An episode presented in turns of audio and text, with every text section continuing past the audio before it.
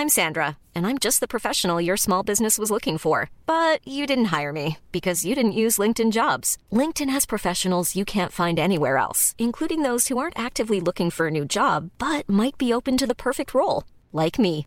In a given month, over 70% of LinkedIn users don't visit other leading job sites. So if you're not looking on LinkedIn, you'll miss out on great candidates like Sandra. Start hiring professionals like a professional. Post your free job on linkedin.com/people today. Burrow is a furniture company known for timeless design and thoughtful construction and free shipping, and that extends to their outdoor collection.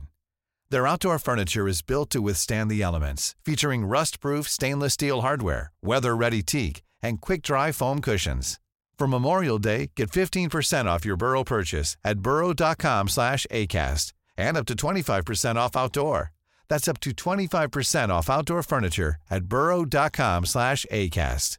Ryan Reynolds here from Mint Mobile. With the price of just about everything going up during inflation, we thought we'd bring our prices down. So to help us, we brought in a reverse auctioneer, which is apparently a thing.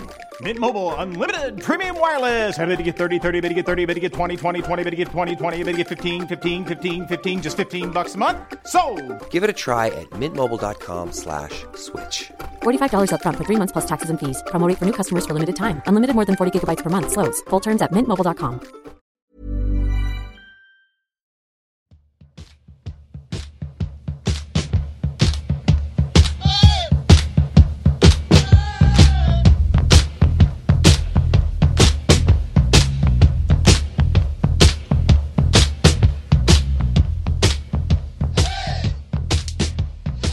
Hallå, hallå! Välkommen Jon Palmebjörk. Eh, åtta A-lagssäsonger i, i Löven, 271 matcher, 209 poäng blev det.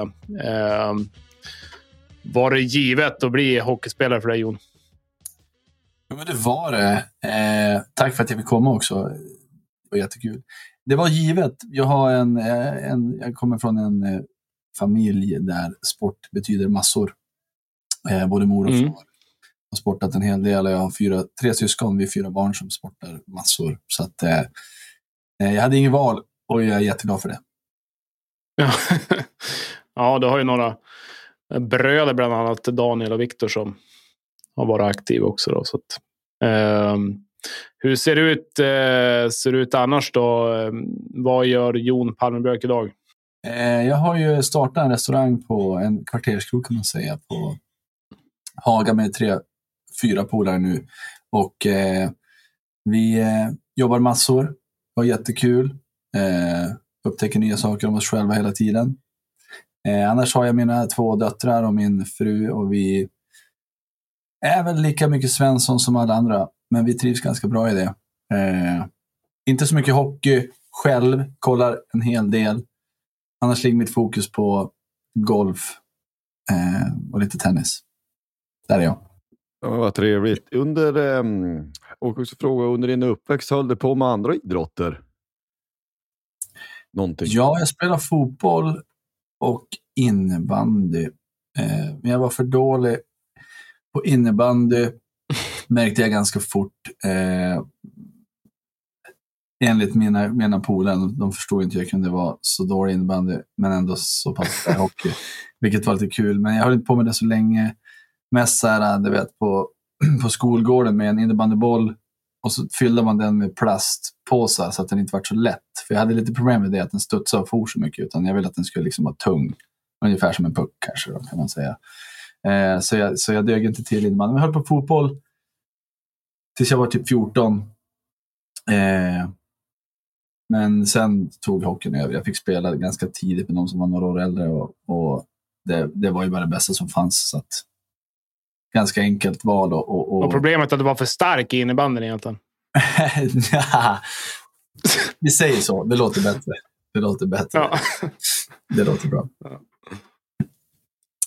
Men, Eh, ja, eh, men vi måste ju fråga så här, men vi, vi hoppar... Ja, ska- när du hopp, kom in i A-laget, alltså hur var det? Och när, inte minst. Alltså vad, vad, hade, vad, vad hade du en för trupp då? När är det här, för de som inte vet? Ja, det här är ju 2004, 2005. Eh, jag, hade ett gans, jag hade ganska lätt för mig som ung. det, det flöt på ganska bra. Eh, fick väl egentligen en liten motgång där eh, när jag var, jag ska inte säga jättestor motgång, men att jag fick inte plats i Lövens A-lag utan jag gick till Teg första året i Allsvenskan för mig då, som, som fortfarande junior, men som första året i A-laget.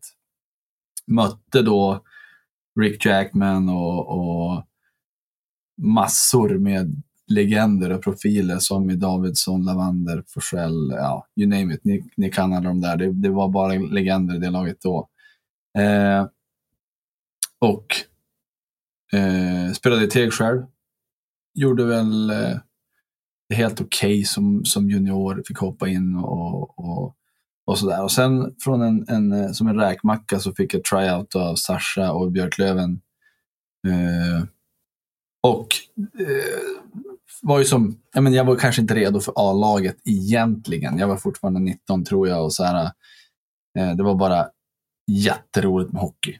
Är med? Det, det är inte som 19-åringarna idag som har tre olika klubbsponsrar och fystränare och liksom allt det där. Det är på en annan nivå nu. Det låter som att det är hur länge sedan som helst, men, men på vår tid var det ändå så här. Du, ja, men... du, liksom, du har det som krävs kom och spela liksom och provträna. Det gjorde jag. Så, det var ett otroligt lag du fick komma in i då också. Ja, men verkligen. Alltså, de hade ju, Nej, men hade... var ju idoler till mig. Liksom. Ja, men det är klart det är skillnad. Man ser idag så, ja, men nu har man eh, liksom, eh, sociala medier-profiler med tiotusentals följare innan du har gjort en enda A-lagsmatch, typ. Ja. Eh, och det, det, är helt annorlunda. Men jag måste ju ändå fråga, du, du nämnde Sasha, den gamla legenden. Alltså, en, liksom, var det en sovjetisk disciplin och träningsmängd och var det en chock i så fall? Jo, men det var det. Och inte minst för mig. Jag, jag eh, eh, tränade betydligt mer som äldre än som ung, om jag får säga det. Jag tränade inte ingenting, men, men jag, jag var inte flitigast om man nämner typ Rahimi, Sundström, Hellström. De här grabbarna när vi var, när vi var i den åldern. Men han införde ändå någonting som, som var disciplin och som var liksom närvara här och nu, liksom, punkt slut.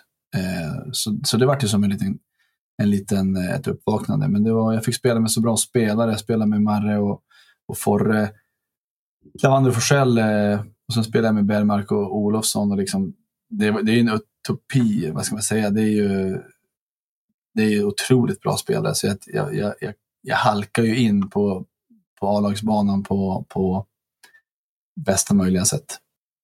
Kan du alltså, då? Om man går igenom 2005-2006, det är ju alltså, det är ju ett otroligt lag Löven har. Det är liksom det är Lavander, det är Jäger, det är du, det är, ja, det är Bergmark, eh, ja, det är Hellström, Rahimi, Sundström. Ja, det, är, det är bara att fortsätta. Liksom. Det är ett otroligt profilstarkt lag 2005-2006. Mm. Det, det vimlar ju av, av eh, bra spelare. Ja, jag måste knyta an till det igen. Då. Är det något, kan du titta tillbaks till den tiden eller till dina tonår och ställa dig den hypotetiska frågan. Men vad hade hänt om jag hade tränat stenhårt från när jag var 14-15? Tänker man så? Nej, jag tänker inte så. Jag vet att det är många andra som har tänkt så. Flera i min närhet liksom så här, äh, nämner liksom, vars hade det kunnat sluta och så där. Men det är också, du vet, eh, det finns de som har tränat för hårt, jag ska inte nämna några namn. Det finns de som har tränat för hårt. Det finns de som har bränt ut allt krut. Det finns de som eh, har liksom levt, levt, levt hockey under hela sin, sitt liv och sin karriär. Och jag, eh, jag, jag, kan njuta av att se på hockey nu. Jag kan njuta av att kolla på mina vänner, typ eh, Rahimi när han spelade Växjö i slutspelet och så vidare. Och så vidare. Men jag har inte sett NHL slaviskt. Jag har inte följt ettan allsvenskan och elitserien. Utan haft den här lilla distansen som ändå så här. Äh, det är fortfarande jävligt roligt med hockey. Eh, på ett humant sätt. Och jag tror ändå att jag haft det. Eh, jag hade säkert kunnat, kunnat spela på högre nivå. Jag har, jag har ju haft anbud. Men ändå alltid varit lite så här, ja, men jag, jag är hemmakär. Jag, jag, om jag vill vara bra någonstans så vill jag ju vara det i Löven. Så har det alltid varit för mig. Helst av allt så vill jag vara bra i Löven. Liksom. Även fast man har blivit bränd några gånger. Det låter ju... Så är det liksom. Och jag, jag så här, ändå helt ödmjukt så kan jag säga att jag hade ju flyt som halkade in på Lövenspåret. Jag hade flyt i, under stor del av min karriär. Liksom. Så jag, jag, är bara, jag är bara tacksam. Liksom. Jag råkar vara på rätt ställe vid rätt tidpunkt. ganska många gånger ändå. Men, men det är that's it. Liksom. Nej, för jag, jag ställer frågan, det är ju lite från vänster, men eh, jag har pratat några gånger med Johan Ramstedt. Eh, som eh, så här i efterhand, ändå kan han är ett och ett par år yngre med 78 tror jag han är. Eh, men som räknades som i sina tonår, att han fick väl pris som bäste forward i TV-pucken tror jag. Mm. Och eh, eh, var liksom räknades som en, en av sin, sin generations stora talanger. Men det blev inte så mycket. Då spelade han ju ändå SHL, så det, det, liksom, han har inte en dålig karriär. Men han har sagt det själv, ja, men vad hade kunnat hända om han inte bara tagit två rostfrallor innan träningen. Utan, och, ja. ja, men liksom så. Nej, men det är intressant att höra för eh, alla kanske inte har ambitioner att spela NHL. Ja, men man måste ju ha roligt på vägen också. Så är det ju. Ja, nej, men då hade jag ambitioner och förhoppningar om att spela i SHL eller NHL som ung. Ja, det var det enda man ville ju liksom. Men eh, det, det händer grejer på vägen och, och, när man summerar det så är jag ändå tacksam att jag haft det som yrke. Så, så kan jag ärligt säga. Jag, jag finns, det finns ju en revanschlusta snarare att man hade velat göra lite bättre från sig där man väl var. Men det finns ju ingen, ingen bitterhet i att man hellre hade liksom försakat fem år av sin ungdom med sina polare och sina tjejer, allt vad det kan ha varit för att ha satsat på något annat. Om det nu hade varit fallet, jag vet inte. Men så är det. Roligt att höra i alla fall. Eh, vi måste bara tvärt, alltså NHL. Vilket är favoritlaget i NHL och varför är det Montreal? Nej, men eh, eh, favoritlaget måste nog ändå vara eh, San Jose Sharks. Jag fick en... Eh, Förlåt? En, eh, ja, I'm sorry, men jag fick en eh, överkast som liten och så sen eh, fick jag, min morbror känner Ulf Dahlén, så jag fick en klubba från han när han hade spelat i, i Sharks. Och så där. Det, var, det, var, det var ballt. Så enkelt är det. Just det. Du Johan, eh, restaurangbranschen. Eh, jag har varit och käkat på ditt hak där på ÖK. Det är ju, ni har stans bästa burgare faktiskt. Jag har varit runt på en del burgarhak och eh, ni har de bästa burgarna i stan. Du kan dina burgare, Nicke. Jag kan mina burgare.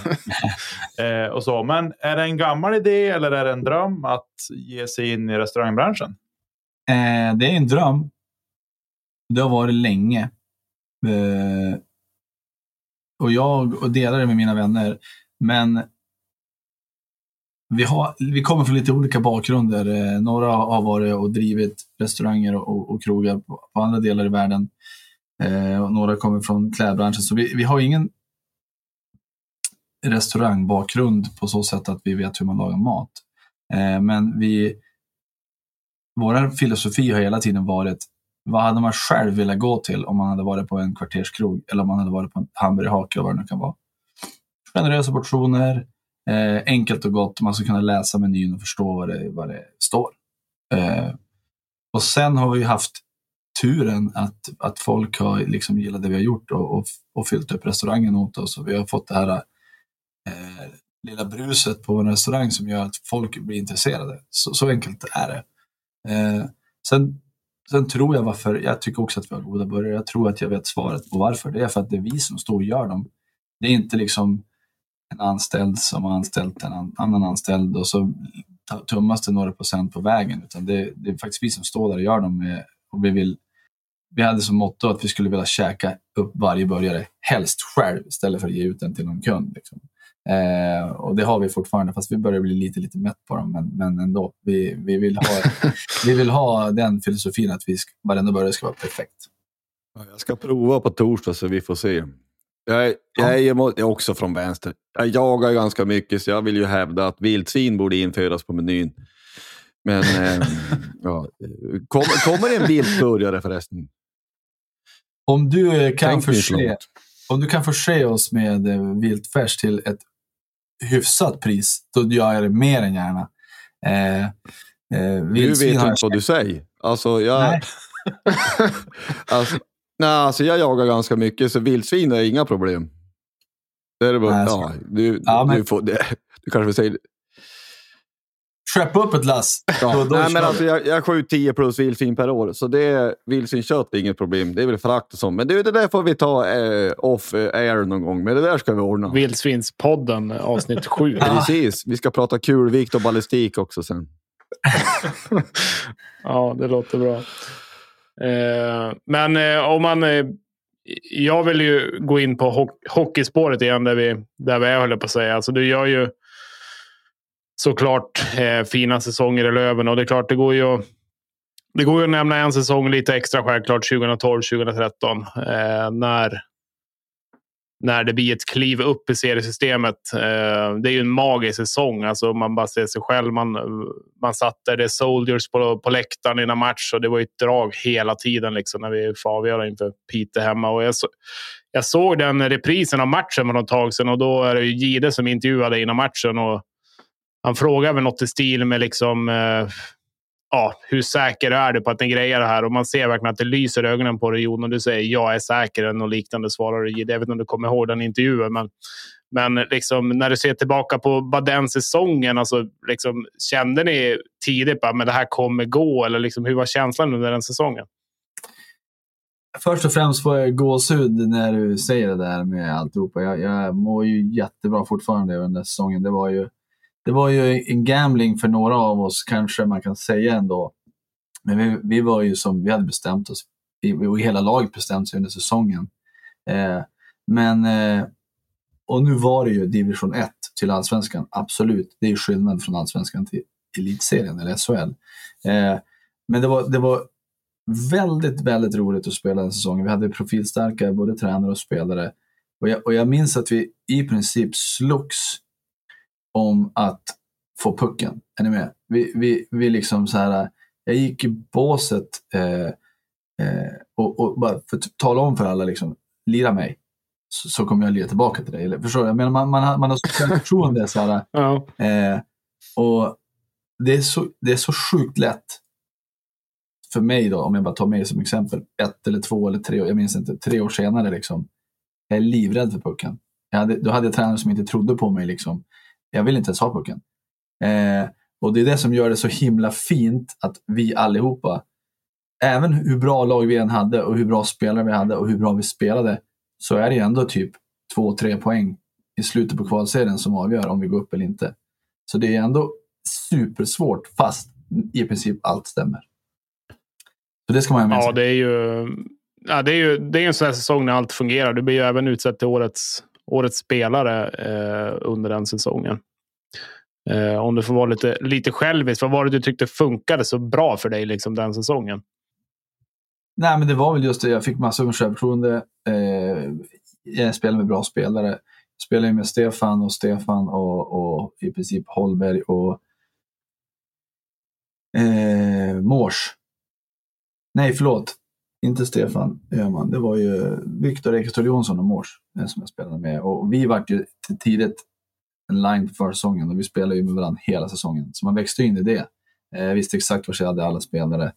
Eh, Olof kom med jättemycket rutin från sitt typ av spel. Vi, vi, vi kopierade ju Troja Ljungbys eh, powerplay-spel, deras uppställning och alltihopa rakt av. Med, för Olof sa att det här kommer funka.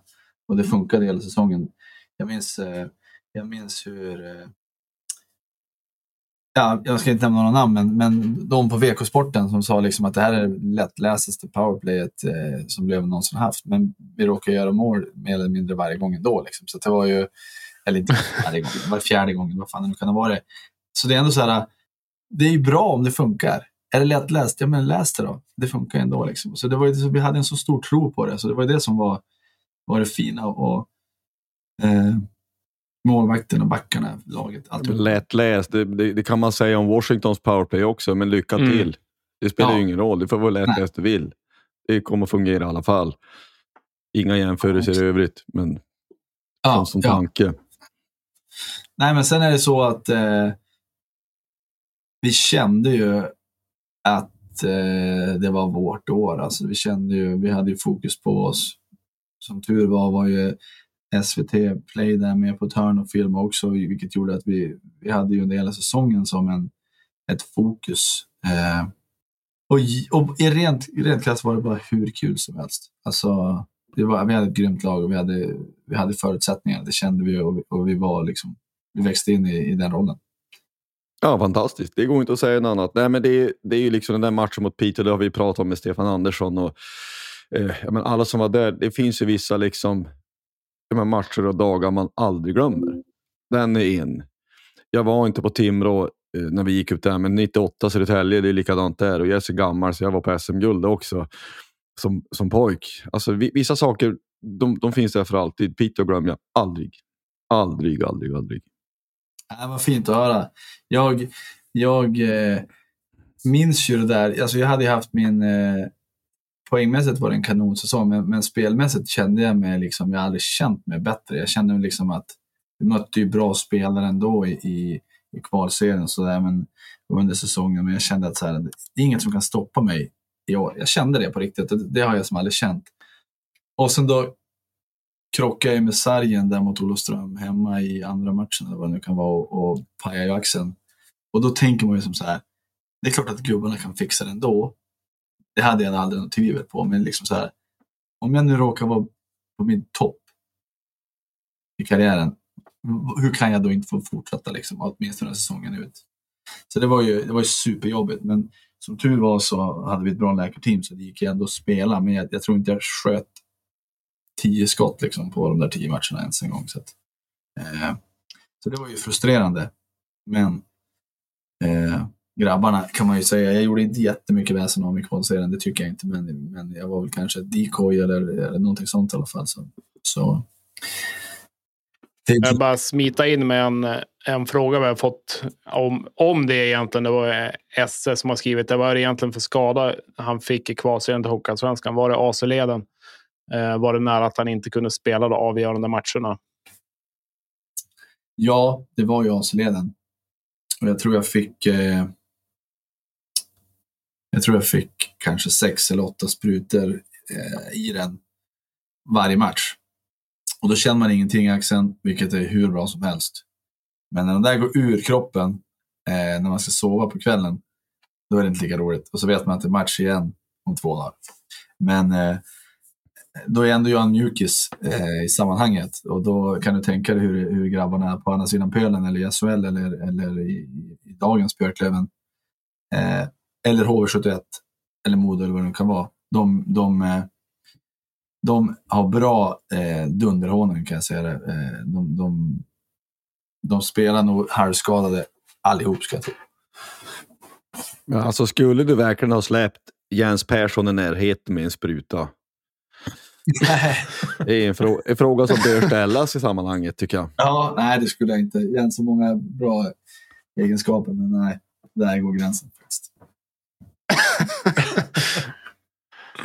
Ja, du, vi hoppar in på lite lyssnarfrågor och Daniel Jernberg eh, som är ju en idrottsprofil här i Umeå. Han undrar varför valde du nummer 34 när du kom tillbaka till Löven?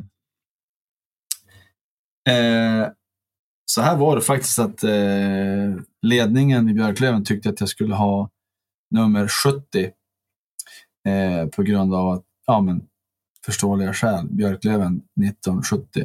Och eh, jag tyckte det lät coolt. Alltså, jag hade inte förknippat mig med någon många nummer innan, utan, utan jag hade haft ett nummer i Teg, jag hade haft nummer i, i Löven 24 innan dess. Och så tror jag hade 12 Örebro och så sen kom vi hem och så sa då eh, om det var Blixt eller om det var Åkerblom som sa till Kurre att Jon ska nummer 70. Ja men absolut så Kurre. Och så gick vi ner i omklädningsrummet och så sa han så här. I helvete att du ska nummer 70.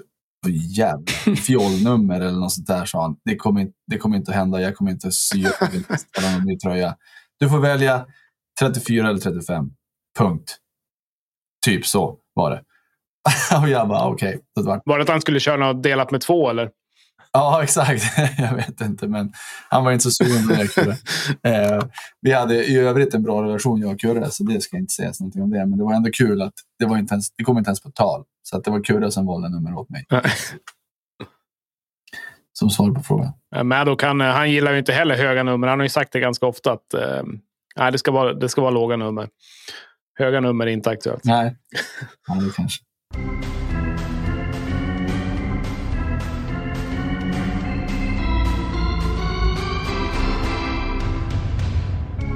Vilken är din drömfemma med spelare som har spelat i Löven och hur skulle den se ut?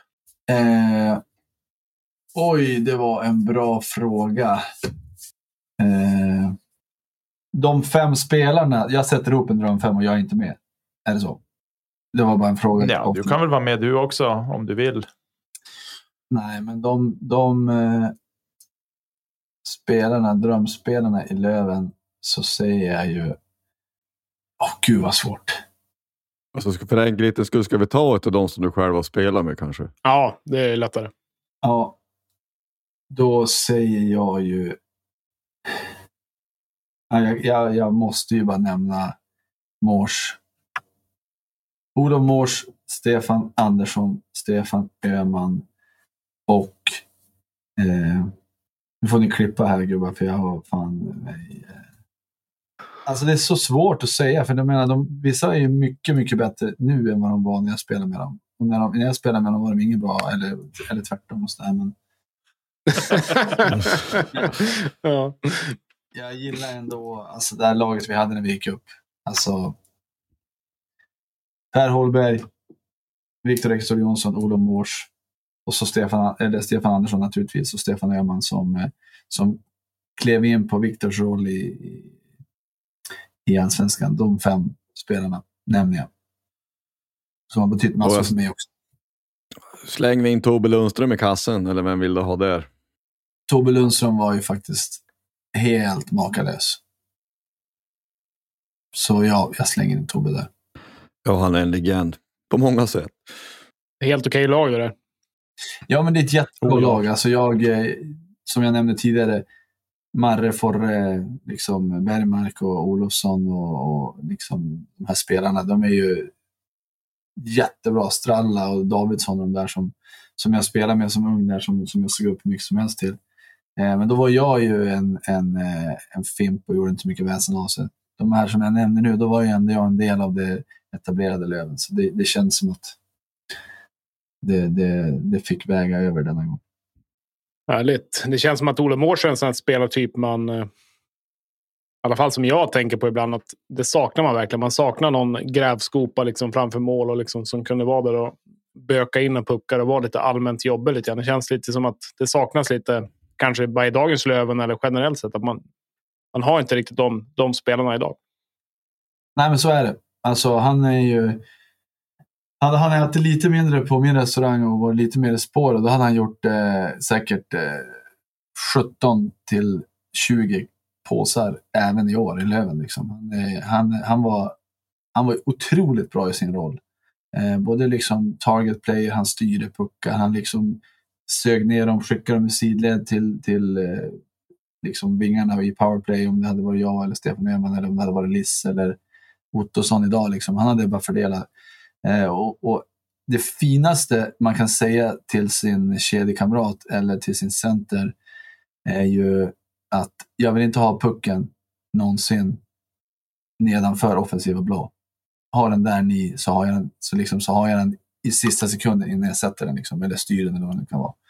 Istället för att man ska ha liksom, att alla forwards ska vara klädda och liksom pilla på pucken så kan det ofta bli lite, eh, lite för mycket. Och det är få spelare som säger liksom att passa inte mig. Först är öppet mål eller först är det dags. Så det, det gör ju att vi andra växer också naturligtvis.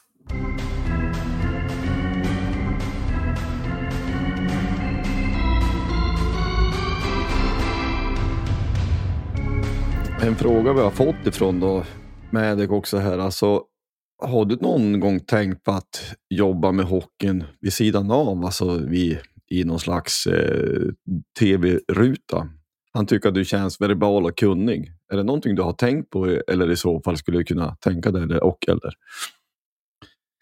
Jo, men det hade jag jättegärna gjort. Alltså jag, jag, jag trivs ju i den situationen. Jag vet att jag suttit på någon match med Teg eh, när jag kommenterade. Det är, väl, det är väl den enda matchen jag gjort. Eh, och det är superkul. Alltså, när man ser på den typen av roll som de har Harald Lyckner som sitter och kommenterar Löven nu eller eh, vem det nu är som är expert eh, så är det liksom det är ganska lätt inom situationstecken att vara expert om man bara liksom sitter där och så kommenterar man om det blir ett snyggt mål eller om det blir en utvisning eller om det blir en, en eh, offside eller vad det nu kan vara. Det är ganska lätt att bara pinpointa och säga ah, det var ju offside med två decimeter eller vilket snyggt mål det var som helst. Jag, jag tycker att det är roligare om man kan få highlighta eller pinpointa det där, den där snygga tacklingen liksom som, som bäddar för att det faktiskt vart mål eller att det kan vara liksom den där finten eller sådana små detaljer som, som, som man ändå är hyfsat färsk med att veta om, eller vad man ska säga.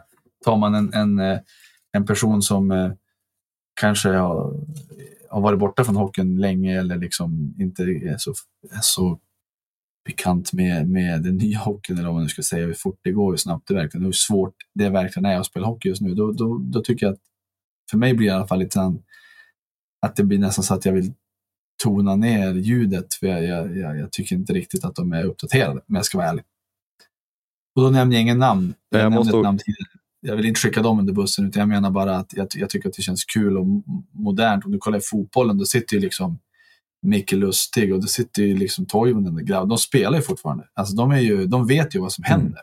Eh, så, så det tycker jag. Att det, det, och Rahimi kommenterade väl, var det VM eller var det för, för något år sedan? Jag var inte han på SVT eller vad det var VM? Va? Ja, och jag menar, man sitter ju bara, man vill bara höra vad han säger, för han, han tänker ju som de på isen tänker. Eh, han vet ju vad som sker. Så att jättegärna. Vad heter och då har ingång det har ju blivit nu att vi säger Westner dömer ju nu, även vår finalserie då såklart. Och eh, eh ja, men Daggen också, Karlskoga, pratar som att man ska börja döma. Du har inte tänkt den tanken? Jo. Alltså domarbanan? Jo, jag, jag har fått frågan och jag har tänkt tanken. Eh, men jag blir lite så här. Jag får inte döma Löven tror jag. Eh, ganska säker på att jag inte ska få döma Löven och då måste jag åka antingen en bit norrut eller en bit söderut för varje liksom, match om det är på lite högre nivå. Eh, och det blir ganska mycket resor och sådär. Och då jag tror jag ändå att jag trodde, om jag ska vara ärlig, så trodde jag att det skulle vara svårare att bli mottagen eh, i de här alla hallarna man har spelat i och sådär. Så, det, det, var som en tanke som försvann. Men nu ser man ju på Westner idag till exempel, han är ju otroligt bra domare. Han släpper ju rätt grejer han ska släppa. Han tar på grejer som kanske ingen annan såg eller förstod. Men han vet ju, han, han, han vet ju precis hur spelarna tänker. Eh, när de får en tjuvsmäll eller när det, det blir en gruff eller någonting. Och så friar han ju ändå relativt ofta för att han vet att det där är inte så farligt som det såg ut. Eller det där var olyckshändelse. Eller något annat så jag, jag, kommer inte att bli domare, men eh, jag tycker att det är jättebra att Westner och även Daggen och hoppas att fler spelare hoppar in. För att domare eh, kan vi aldrig få för många bra, om jag säger så. Nej, men det är väl också så att han, hur många gånger vann Ulf Råbjer, den gamla, den gamla spelaren, vann väl Guldpipan 73 år på raken eller något sånt. Eh, så just så, alltså jag, det, det, det här är en stor fråga, vi ska inte grotta in oss i den utan vi ska gå in till, till lyssnarfrågor. Men just gamla spelare som dömer skulle jag tro, tro var mycket, mycket bra. Om det var fler som gjorde. Nästa lyssnarfråga. Eh, Emanuel Forslund som även brukar synas i, på Björklövens Play-kanal. Han skriver så här. Har kollat igenom Palme, Björk och Doktorn för ett tag sedan. Han var alltid så sjukt avslappnad, avslappnad inför de avgörande matcherna och verkar känna noll press. Typ i kvalserien då vi gick upp och pratade hela tiden om att våga vinna och så vidare. Var det verkligen så eller var det mest en bild han ville visa utåt? Eh, nej, men eh,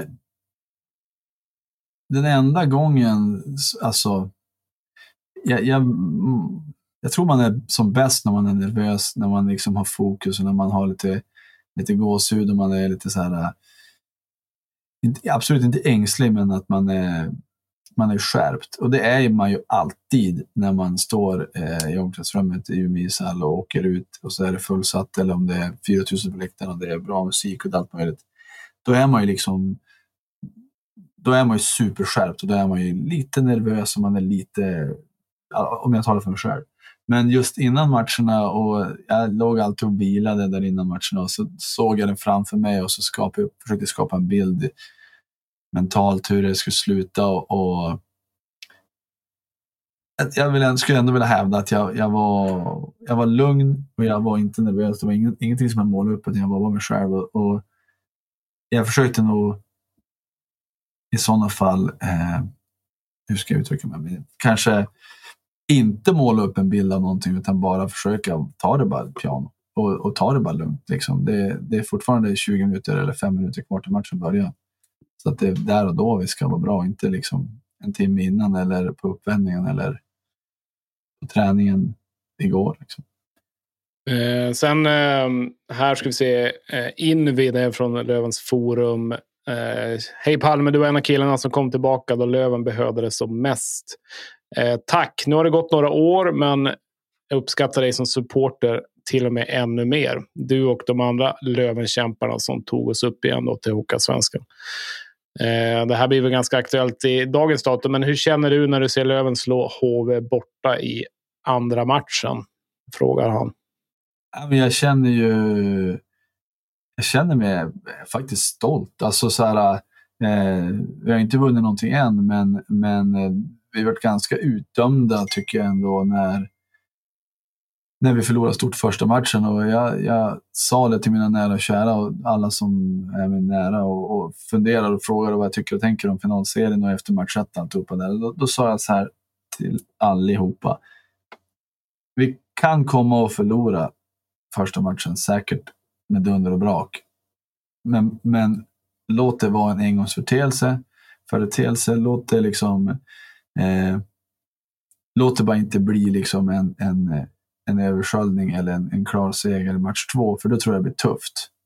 Så, så att, jag hade stora förhoppningar, men jag trodde inte att det skulle vara ändå så pass god marginal ändå som vi vann med sist. Alltså, visst hade Forsberg en i kryssribban och de hade några bra lägen där, men jag tror att Olle Liss hade kunnat gjort två eller tre till. Alltså, det hade kunnat sluta 6-4 eller 6-3 till Löven också. Så att, att HV skulle haft några kassar, det är psykologiskt, man har fått dem tidigare, men jag tycker ändå att det var en ganska klar Lövenseger faktiskt. Och det, är, det är jag både stolt och, och fruktansvärt förväntansfull eh, inför vad som händer imorgon. Ja, en eh, fråga som Esse har skrivit. Eh, hur noga var du med utrustningen? Jo, men jag var ganska noga, eller mycket noga. Jag eh, tog alltid på mig Ehm, skridskor, benskydd, armbågsskydd i rätt ordning. Det ska sitta exakt som det alltid gör. Tejpen ska vara nytejpad. Eh, det hade lite ritualer och sådär. Men det blir mer ett ryggmärgsbeteende än att jag tror att jag kommer förlora om det inte blir det. Men eh, jag tror nog att jag gjorde mer mål och poäng och bidrog till att vi vann ifall det kändes jävligt bra på uppvärmningen än om det inte gjorde det. faktiskt. Så, att det, så att det har betydelse, det tror jag att det har. Den eh, överlag väldigt klena plösföringen i, i svensk hockey nu för tiden. vad, vad ska vi göra åt den? Plösen över benskyddet alltså för den som nu mot förmodan inte förstår vad vi pratar om. Jag vill minnas att du hade det i alla fall största delen av din karriär. Jo, men då hade jag det och, och jag tror att det vi ska göra åt det, det är att visa lite äldre highlight-videos eh, från den tiden man hade typ träklubbor och sådär. För då fanns det ju bara, då var det ju liksom. Men sen är det ju, det är ju så att, som jag tror i alla fall, att, att jag tror att kör du prösen ute så tror jag att man har det lättare med damerna. Man har det lättare i, i vardagslivet, man har det lättare på alla plan. Så, att, så att jag förstår, jag, jag, tycker att det är en icke-fråga jag också faktiskt. Eh, ja. Två ord, men det är Olle. Liss. Ja, men det är lite kul att du nämner det, för om, om ni kollar på lite bilder som, eh, som eh, på Olle, så ser du ju att när han har kanske haft, han har ju aldrig måltorka, det är ju max typ en eller två perioder, men, men när han väl har det eh, i, i två perioder så, så kan han ju byta från ute till inne och från nästa match och fram och tillbaka för att kanske vet, så här, hitta lite harmoni och sluta fundera, sluta tänka eller ta bort apan eller bryta ni vet, mönstret. Så där. Eh, så, och det gjorde faktiskt jag också någon gång från, från några matcher där liksom, när man, hade, man funderade lite grann kanske. Eller så. Men jag är för utplösning, så är det bara. Härligt. Nej, så har vi ganska mycket just med frågor om utrustning. Vi kommer inte kunna ta allt, men eh, han har väl egentligen det här. Egentligen, eh, hur är det med eh, tejpen på klubban? Vill du alltid ha det på ett speciellt sätt och skulle det alltid vara vit klubbtejp? I ärlighetens namn så skulle jag vilja spela utan tejp.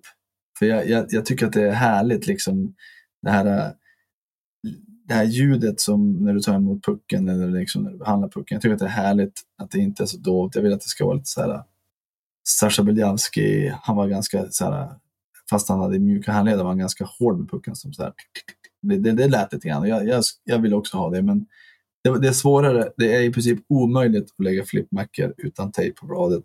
Så det, det, var en, liksom en, eh, ett vägval jag fick göra om jag skulle någonsin kunna flippa eller om jag skulle vara, att det skulle låta bra. Så att, därav så satte jag tejp på bladet. Eh, jag spelade nästan hela, hela karriären med vit tejp. Eh, sen var det någon som sa att man gör, man, man gör mer mål med svart tejp. För då ser inte målvakten när pucken lämnar bladet och så vidare. Och så, vidare. så jag testade lite grann och så. Men i princip hela karriären hade jag samma tejp på bladet. Du gjorde ju en del mål då också. Ja, det, det, det, det ramlade jag faktiskt in om. Så att, eh...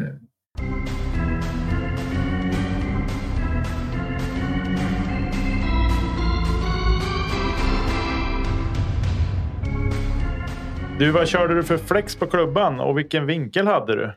Alltså hade du en riktig banan? Eller var det Olle Liss böj eller var det lite lindrigare?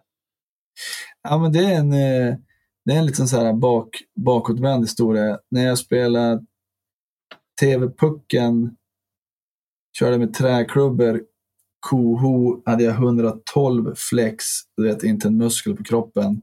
Eh, och när jag avslutade karriären så hade jag 70 nej 82, men jag har haft 77 också. Eh, liksom sköt mer handledsskott och halvslaggan kan man väl säga på slutet än, än och liksom hänga på klubban på blå linjen liksom som, som kräver kanske lite styvare spakar men eh, eh jag, jag bröt handleden eh, Ja, när var det? Det var ju 2000, var det inte 2005? Då var jag nere på 67 eller 63 flex för jag kunde fan inte, jag hade inga muskler, jag hade som inte kunnat. Så då bytte jag, fick jag tag i något skaft liksom med någon riktig junior flex eh, bara för att jag skulle liksom få, få iväg pucken där under några veckor. Så, så jag pendlade från 65 eller vad det nu var upp till 112. Eh, så lite olika. Och vinkeln Eh, så fort man fick göra en egen vinkel så gjorde man ju det såklart. Det är ju typ det mäktigaste man kan göra som hockeyspelare. Så, så självklart hade jag en egen. Eh, och det var ofta ganska mycket hook. Ändrade några gånger, men ganska mycket hook eller, eller, eller vinkel om man ska säga. Så det är lättare att skjuta med nättaket, upplever jag i alla fall.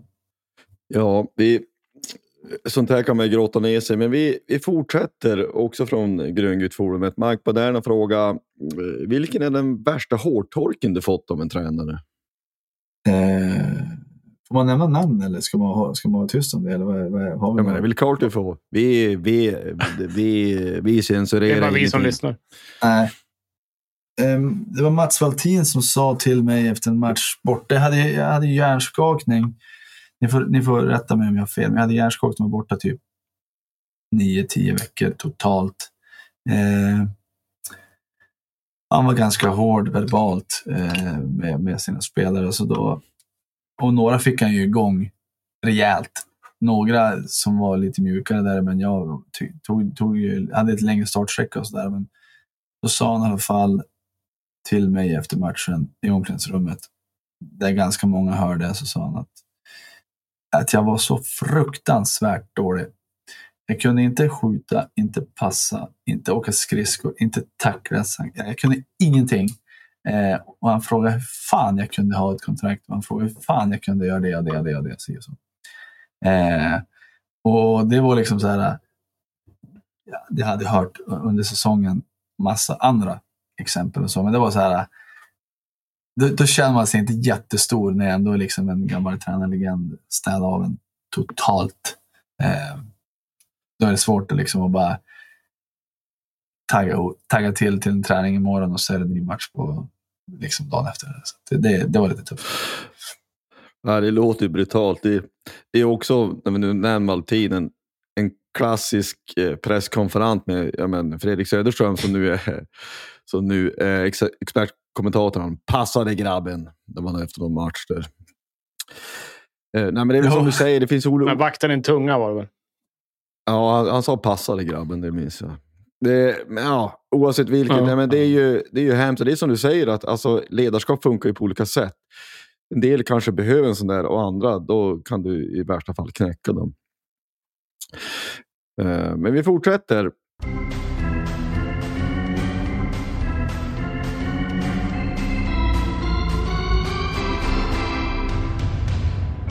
Den här frågan från Mike Moderna Moderno då är väl eh, en fortsättning egentligen. Vilket var ditt bästa respektive tråkigaste ögonblick i karriären?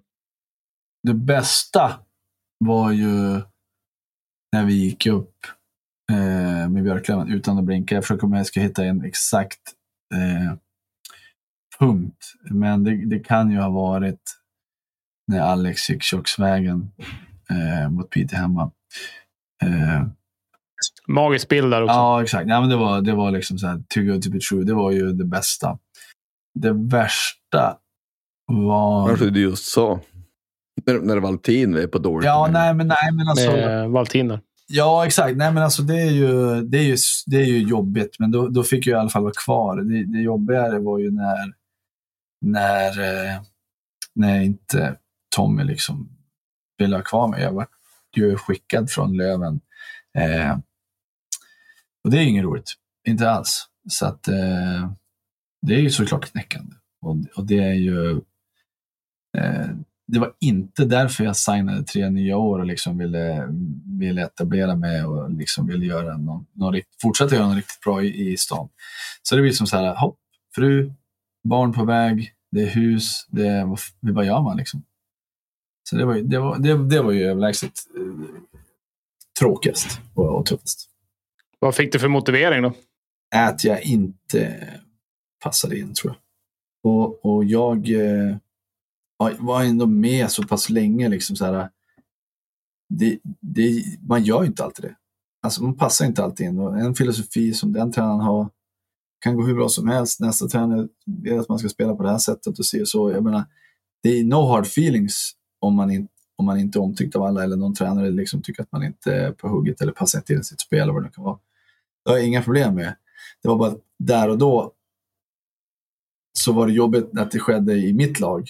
Eh, jag vill inte liksom lämna. Hade det varit om jag nu hade råkat spela i något annat lag som kanske på en annan ort där jag ändå inte hade velat vara liksom, och någon ben dra, då kanske man gärna drar hemåt, höll jag på att säga. Men eh, inte när man är hemma.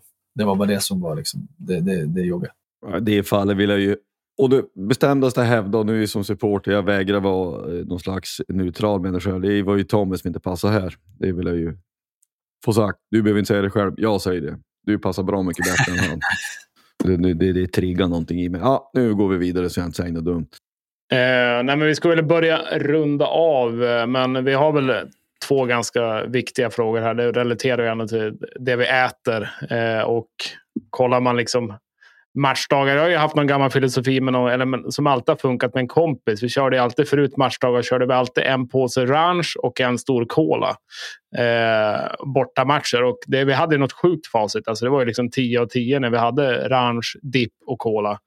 Eh, sen vart det ju något att det stördes det där och så har vi inte riktigt kommit in i det. Men eh, om man tänker då chips, du fick ju något roligt smeknamn där under Löven och de bitarna. Men, men vi är ju någon som vill veta vad vi har för chips som du rekommenderar till match tre. Och det ser jag som en ganska viktig fråga faktiskt. Ja, men kosten är ju A och O. Det är ju sedan länge. Det vet ju alla. Eh, och, och en påse Estrellas västkustchips med cheddar rödlök. Eh, lite knapriga, mycket smak. Passar både stora som små. Det är mitt bästa tips. Med en ranchdipp Ja, det, till. det är bra tips. Jag måste också fråga, vad tycker du om salt och vinäger? Jag har ju svårt för dem. Allätare. Så att det, det är inga konstigheter. ja, det är bra. Du, vi tänkte avrunda med en, med en matfråga rakt av. Varför har ni inte skattkistan på menyn på ÖK den har ni ju faktiskt i vagnen som ni åker runt med. Eh, skattkistan står inte på menyn, men den finns. Eh, vi gillar, vi Okej. gillar att hålla Ja, lite är så här, eh, lite hemlisar. Så här. Vi, vi jobbar ju med månadens burgare, vi gör, försöker jobba med månadens pizza, men det finns alltid lite så här off-menu-grejer eh, för närmast sörjande eller innersta kretsen kanske man kan säga. Så att det är bara flörta lite grann med oss så, och så bara tre knackar på bardisken och så magic words, då får du vad som helst. Så är det.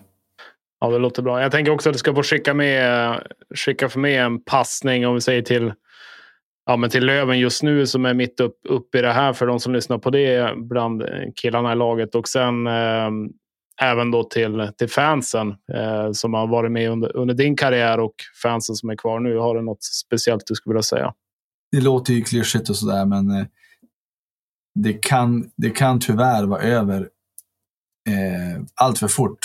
Eh, så att eh, passa bara på att njuta. Så det, det är ju det är ju den bästa tiden på året by far. Alltså, det finns ju inga problem med den här tiden. Så njut. Alla som är på läktaren, njut. Går inte hela vägen så får man fan vara jävligt glad för att vi är där vi är. Och så kommer det nya år. Och är man spelare så är det bara, du kommer aldrig att bli mer ihågkommen än om du är kung just nu. Så att, eh, det var ju att njuta. Stort tack Jon för att du ville vara med. Eh, och vi ska se till att göra ett besök på torsdag till lunch, tänker jag. I alla fall jag. Jag har ju ganska nära dit från jobbet, så jag Ja. ska nog åka dit på torsdag. Jag tänker att vi tar, vi tar ett stort besök, hela gänget. Ja, jag har bokat bord på eftermiddagen där, men det får... Ja, det är bra. Ja, det låter bra. Ja, men du, stort tack Jon. Kul grabbar att du med. Då ses vi väl eh, och firar när eh, vi har gått upp. Eh, så firar vi någon vecka eller så. Absolut. Det gör vi. Kanon. Tack och bock.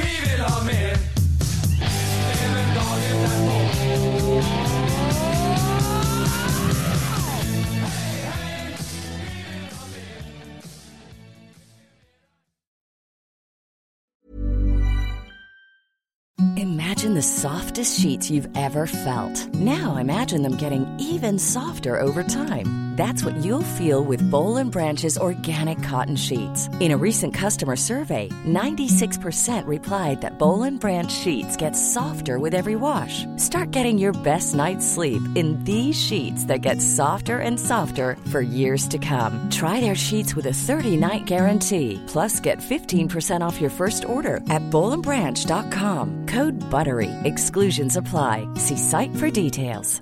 Planning for your next trip? Elevate your travel style with Quince. Quince has all the jet setting essentials you'll want for your next getaway, like European linen, premium luggage options, buttery soft Italian leather bags, and so much more. And is all priced at 50 to 80% less than similar brands. Plus, Quince only works with factories that use safe and ethical manufacturing practices.